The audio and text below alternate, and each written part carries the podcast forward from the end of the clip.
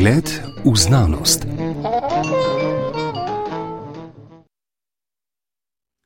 V projektu smo se našli trije partnerji in sicer projekt je prijavil in tudi vodil vodilo društvo Aurata kot tista dva partnerja, ki sta prispevala, bi tako rekla, ta znanstveni del.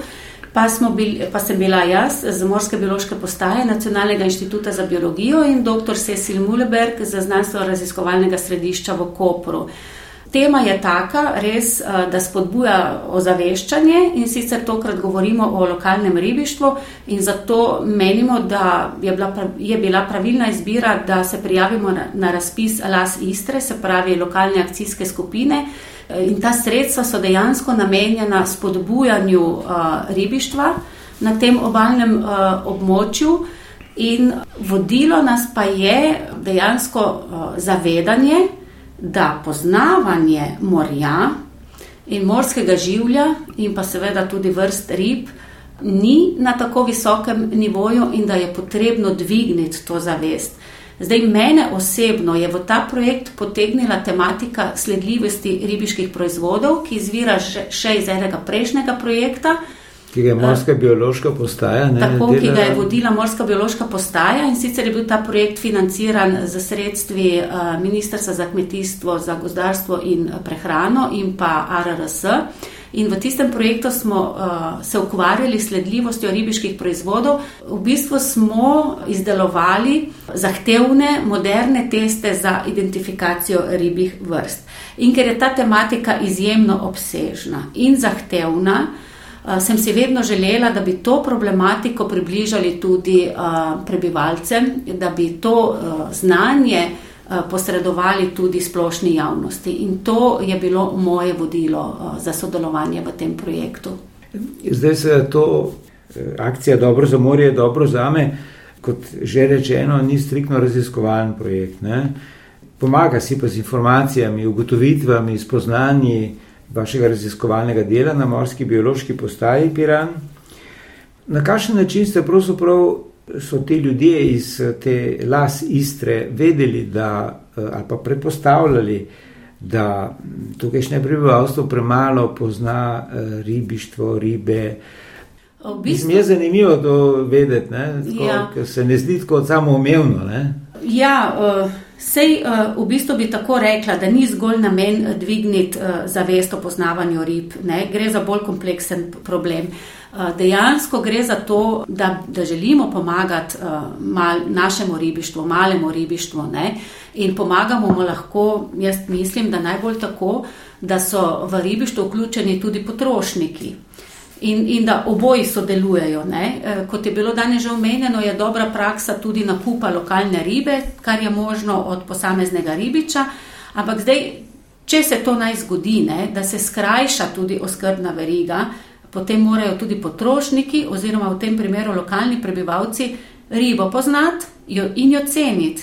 Jaz mislim, da je Las Istre prepoznal vrednost eh, naše zamisli ravno v tem, da bi se razvila neka sinergija, ki bi pomagala uh, malemu ribištvu, da se poveča prodaja na tem območju, uh, da morda gre uh, čim manj ribe na borzo v trst, Eh, in se s tem oskrbuje eh, lokalno prebivalstvo. Lokalno prebivalstvo na drugi strani pa mora biti ozaveščeno za to, da ceni lokalno ribo.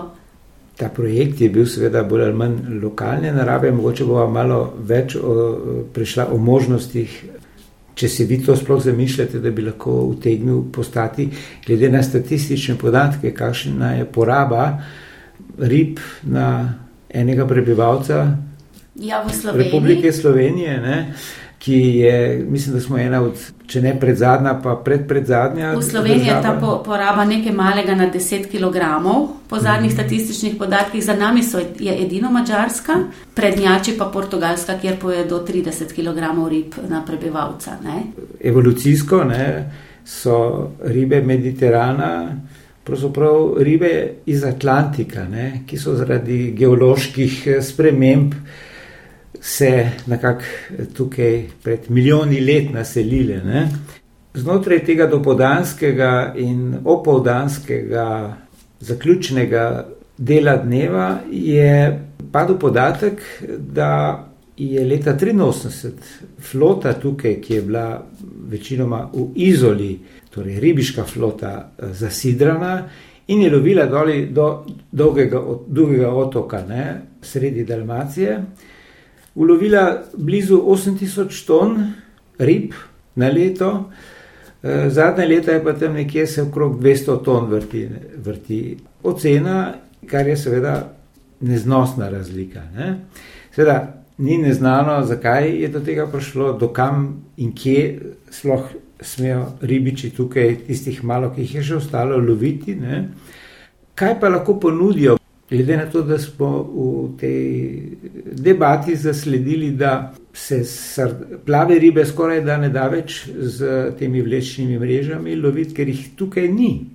V tem delu, kjer slovenski ribiči tistih nekaj lahko lovi. Ne? Jaz mislim, da še vedno lahko ribiči ponudijo svoj ulov ne? In ta ulov lahko razširijo tudi na druge vrste, ki so morda manj znane, ne? da ne kupujemo samo tistih vrst, ki so vsem zelo znane. In na ta način dejansko tudi spodbujamo in tudi prispevamo na nek način k spremembi ribolovnih navad. In jaz mislim, da tudi bolj k trajnostnemu uh, ribištvu, ne? ker izkoriščamo različne vrste, ne samo tiste, ki so že itak ekonomsko zelo izkoriščane. Tako da ta premik uh, razmišljanja se mi zdi zelo pomemben. In recimo zdi se mi zelo pomembno v naši akciji osveščanja, smo mi se lotili osveščanja tako pri najmlajših, v vrtcih, osnovnih šolah, pa vse do tiste generacije, za katero bi jaz rekla, da ribe dobro pozna in, je, in jo je tudi redno vključevala v, v svojo prehrano. Ta, tako da naučimo najmlajše, da mhm. obstojajo različne vrste rib, in starejše, da spomnimo, oziroma kar je bilo meni v tej akciji tudi zelo všeč in zelo čustveno, da so nam povedali svoje spomine na to, kakšno je bilo ribištvo nekoč kako se je delalo v Delamarisu. Um, gospe so delile uh, spomine z nami, kako so delale, kakšno je bilo to delo. Uh, recimo, uh, kapitani ribiških ladij so obujali spomine, kako, kako je potekal ribolov na ladji. Kot sem tudi omenila uh, na predstavitvi, ne, za me je bilo izjemno zanimivo tudi, ko je eden od kapitanov pripovedoval, kako je Jugoslavija želela pomagati afriškim uh, ribičem, jih naučiti novih ribolovnih tehnik. Odplula je tja popolnoma nova, izjemno dobro opremljena ladja in ko so prispeli do afriške obale, so ugotovili, da tam ni nobene infrastrukture. Ne, ki bi predelovala. Ki, tako predelovala, in že problem je bil s tem, kako to ribo pod vročim afriškim soncem uh, skladiščiti. To mislim, da vse prispeva k temu, da spoznajo ribištvo in da ga tudi cenijo. In da ta način dobijo tudi ribiči veljavo. Namreč to je tudi nekaj, kar je bilo izpostavljeno v okrogli mizi, kar je izpostavila dr. Jrneja Penca v projektu, ki ga je vodila. Ne, Da ravno ta sinergija sodelovanja med lokalnimi ribiči in kupci ne, dejansko daje moč potem tudi ribičem. Ne, in, predstavili smo danes tudi druge dobre prakse, ki bi jih morda lahko prevzeli tudi v Sloveniji. No, sej, uh, profesor eh, dr. Lorenz Lipe, ne, vaš kolega, ki tudi poljudne komentarje, ravno nedavno mu je šla knjiga teh komentarjev, piše, kjer nas uh, neprestano uči in se uči tudi on o tem, katere so realne, katere niso realne nevarnosti na morju. Ne? Naprimer, morski pes za njega sploh ni nevarnost, za ljudi ne. Hujše so druge stvari, jih ne bo naštevala. Skratka, on je povdaril, da so lokalni ribiči v neizmerno pomoč vam raziskovalcem, ne? predvsem zakaj? Zato, ker oni, ki vi imate tudi monitoringe? Uh, ampak oni so vsak dan na morju. In oni vidijo, kaj se lovi, ali so kakšne tuje rodne ribe, ali so pač tiste, ki jih ponavadi lovijo, in tako naprej. In tako dalje, in brez sodelovanja z njimi bi vi težje je, raziskovali to... morje ne? in ugotavljali. Eh, potem, seveda, z posebnimi metodami, še kakšne lastnosti, ki jih oni ne poznajo. Ne? Ampak brez njih Ja, to je drugi vidik, ne? Kako lahko sodelujeta dve različni skupini, se pravi raziskovalci in pa ribiči. Njihovo znanje ne, je veliko, kot omenja literatura, ne, se pravi, gre za lokalno ekološko znanje ribičev.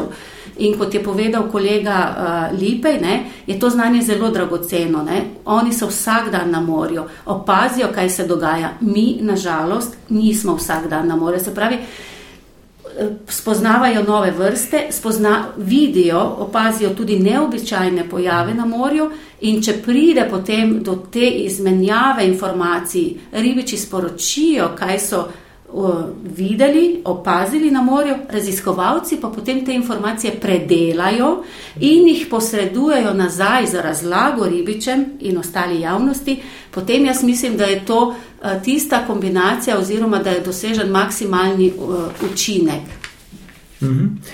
Eh, no, vi ste tudi to razpravo vodili, ko je, mislim, da pet, šest predstavnikov, ne, bil je tukaj predstavnik Zavoda za ribištvo, predstavnica Imunija, profesorica Penca, oziroma doktorica Penca, ne, predstavnica parka. Krajinskega parka. Ne. No, ampak vi ste eh, izpostavili tudi, kako se v te vode spremljanja uh, živeža v morju, pa tudi k temu projektu, na kak ste prišli tudi, ker je pred leti da ste uporabili izraz izbruh metod za sledljivost. Eh, potem bi pa imel še pod vprašanje, kakšno je razmerje, to se pa tiče prepoznavnosti in identifikacije rib v končni prodaji, a ne v ribarnici, razlika med označbo sledljivosti in certifikatom.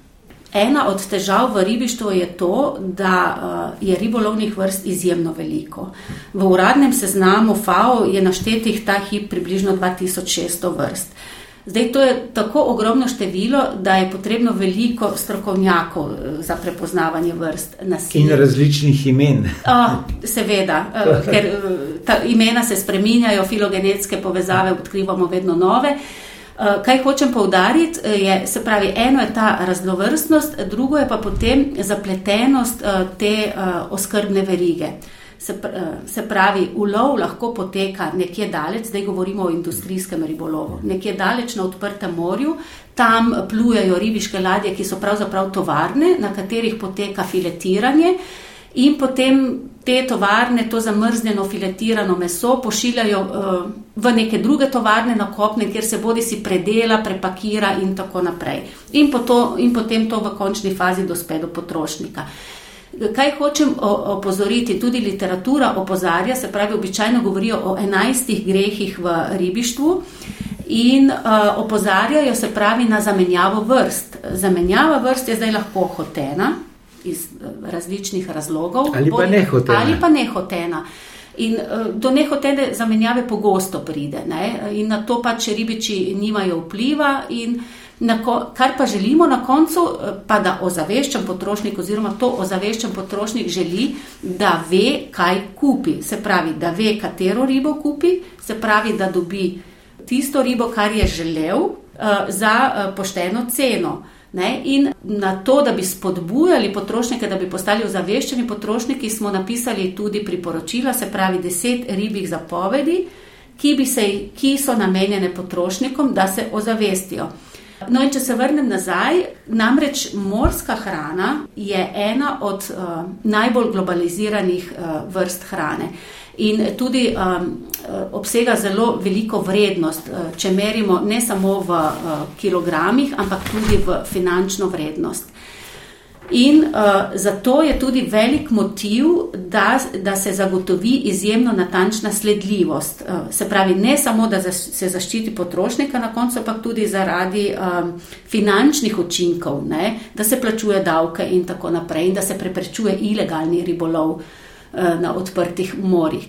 In zato je tudi za razvojem um, tehnik molekularne biologije so se razvile metode, s katerimi je možno uh, ugotavljati identiteto vrst. Se pravi, takrat, kadar vizualno biolog, taksonom ne more določiti vrste, lahko pri tem pomagajo zapletene molekularne tehnike. In te tehnike so dobile velik zagon tam nekje od leta 2016, sploh z metodami nove generacije sekvenciranja.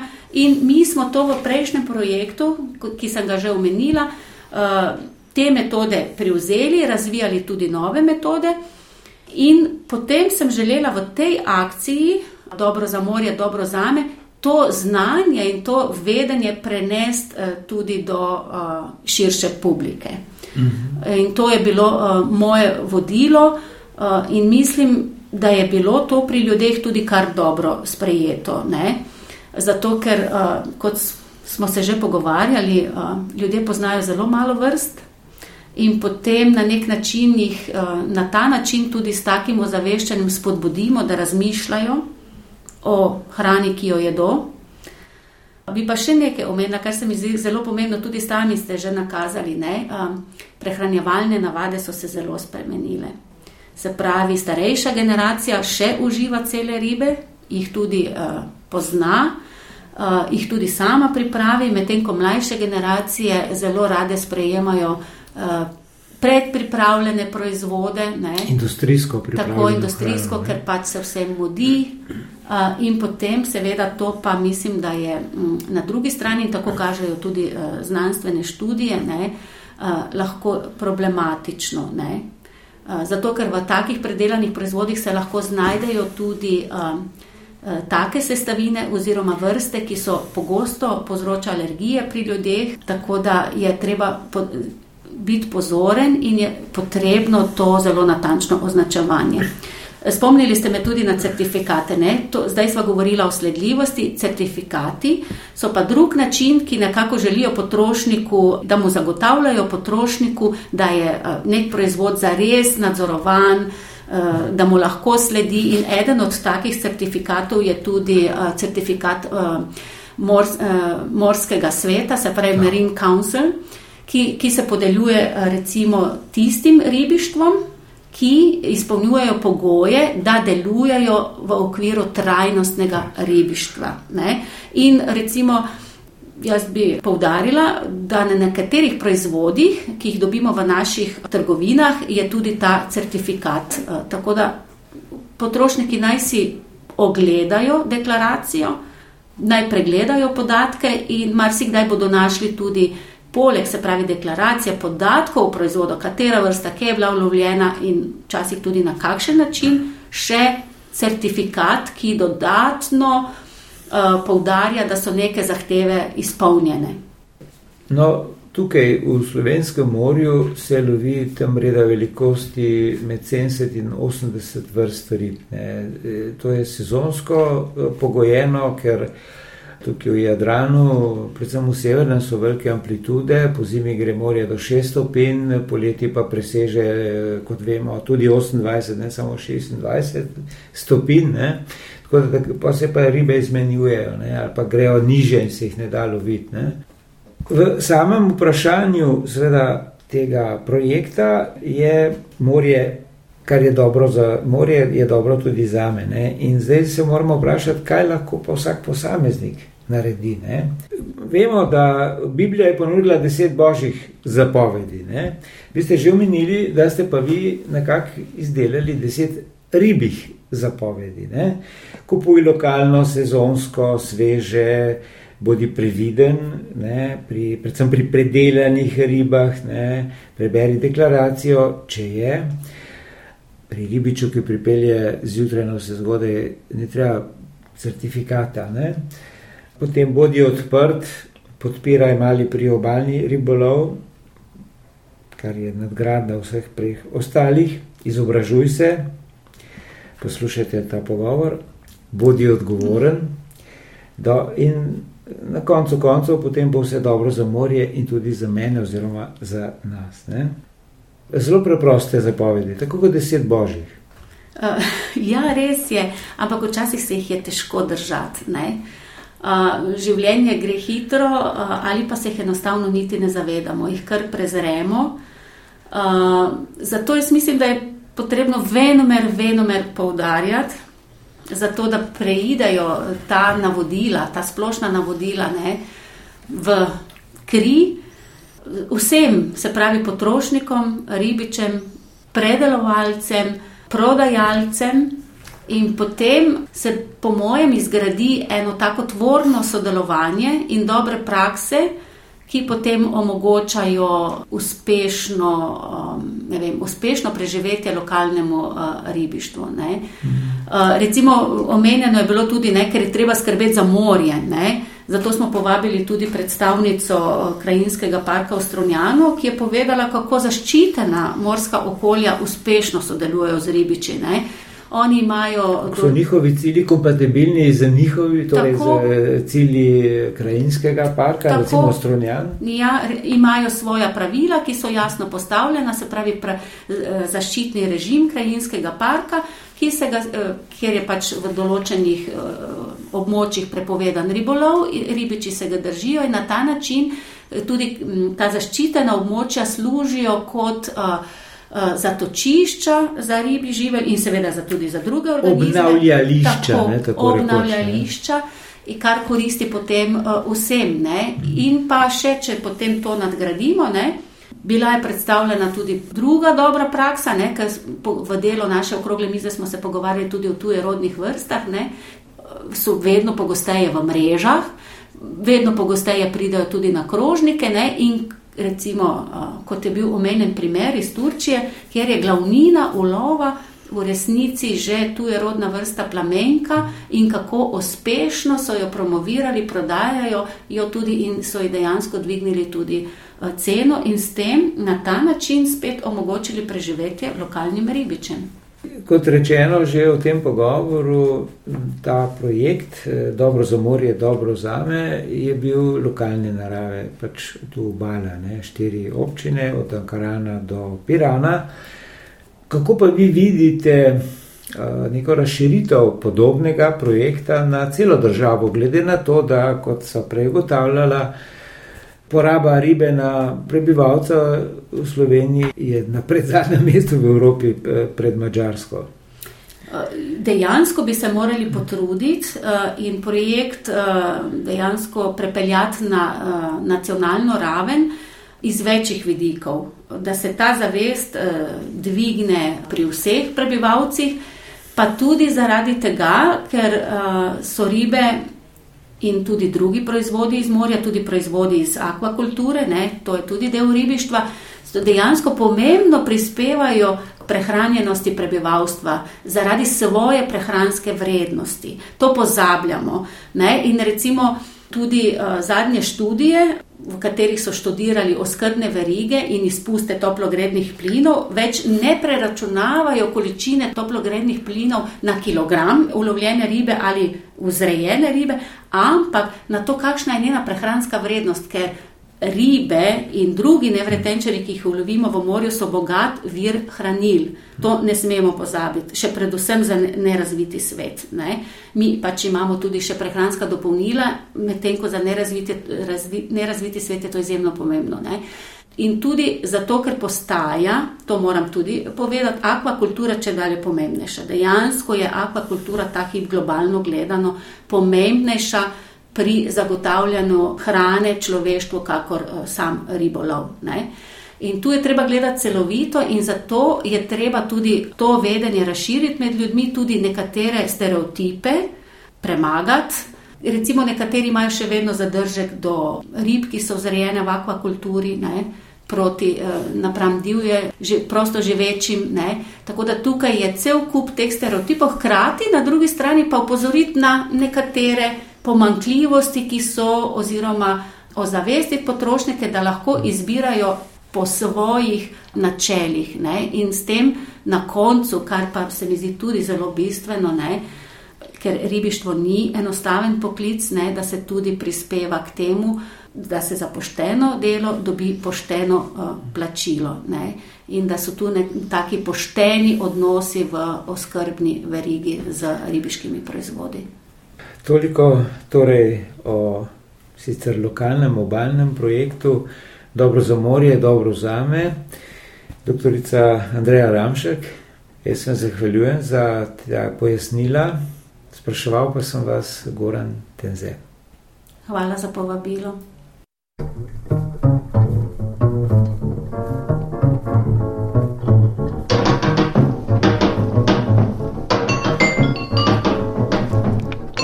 Pogled v znanost.